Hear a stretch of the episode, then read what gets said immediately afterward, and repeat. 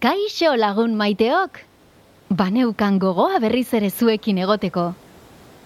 Alexen azken istorioa entzun ostean, abentura gehiago ezagutzeko irrikitan geratu naiz. Nola zen azkenengo aldian ikasi genuen esaldi gura? Beldurrari aurre.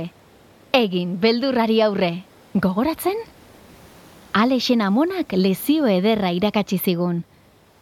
Amonen gandik asko dugu ikasteko. Hau bizitzak erakutsi didan beste lezio bat da. Alexen urrengo abentura, mm, nola esango nizueke, e, bai badakit. Alexen urrengo abentura koloretsua da. Basoa udazkenean baino koloretsuagoa. Edo nahiago baduzu, eh? Erromako zubia baino koloretsuagoa. Alexekin batera mundua margotu nahi? Itxi begiak eta zorroztu belarriak, paperezkoak seigarren istorioa astera doa eta. Bonjour, mes amis. Kaixo lagunok. Hello, my friends. Ze divertigarria den hizkuntza ezberdinak hitz egitea.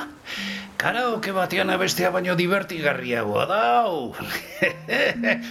Orain zailago. Halo, freunde, zdravo prijatelji, salan, sashi baial. Haien, goiz osoa pasatuko nuke jendea hizkuntza ezberdinetan agurtzen. Ez dakit noiz bait kontatu dizuedan... Uh, uste dut ez ez, ez ez, ea ba, ea ba. Ba dakizue, hogeita bost hizkuntza ezberdinetan hitz egiteko gaina izela, eh? bai lagunok, bai, txoropito honek, txorakeriak egiteaz gain, hogeita bost hizkuntza ezberdinetan agurtzen ere badaki. ez, ez, ez, ez, ez, ez pentsa estralurtar bat naizenik. Ez, ez, ez da botere magikoak ditudanik ere. Bueno, egia da egun batean txikia nintzela. Nire gurasoa konturatu ere egin gabe, bat ere gustatze etzitzaidan mortadelazko bokadillo bat desagertzeko gai izan nintzela.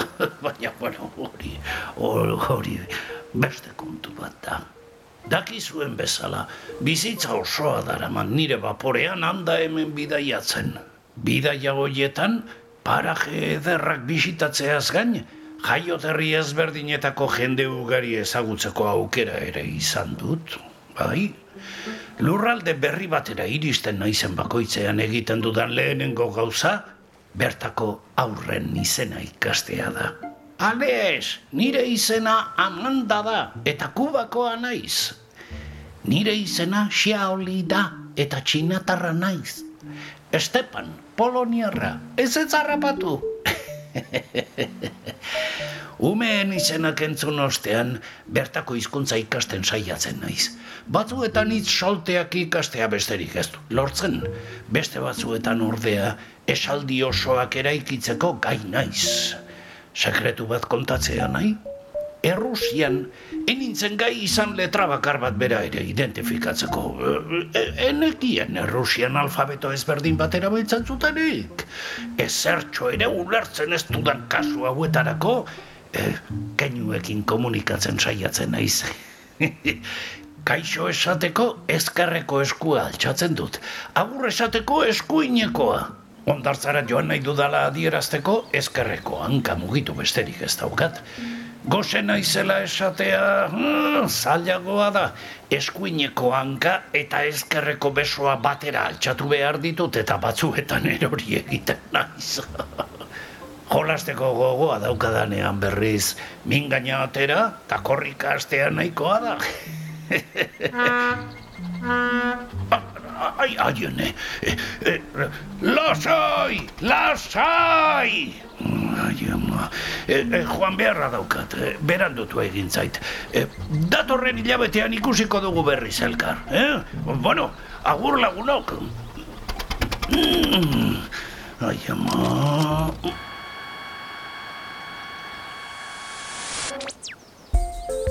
Baina, baina, entzun alduzue hori lagunok.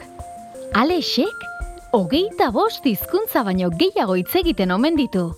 Hazen bidia ematen didan, nik oraingoz nahikoa daukat euskaraz eta gaztelaniaz hitz egin eta ingelesa ikastearekin.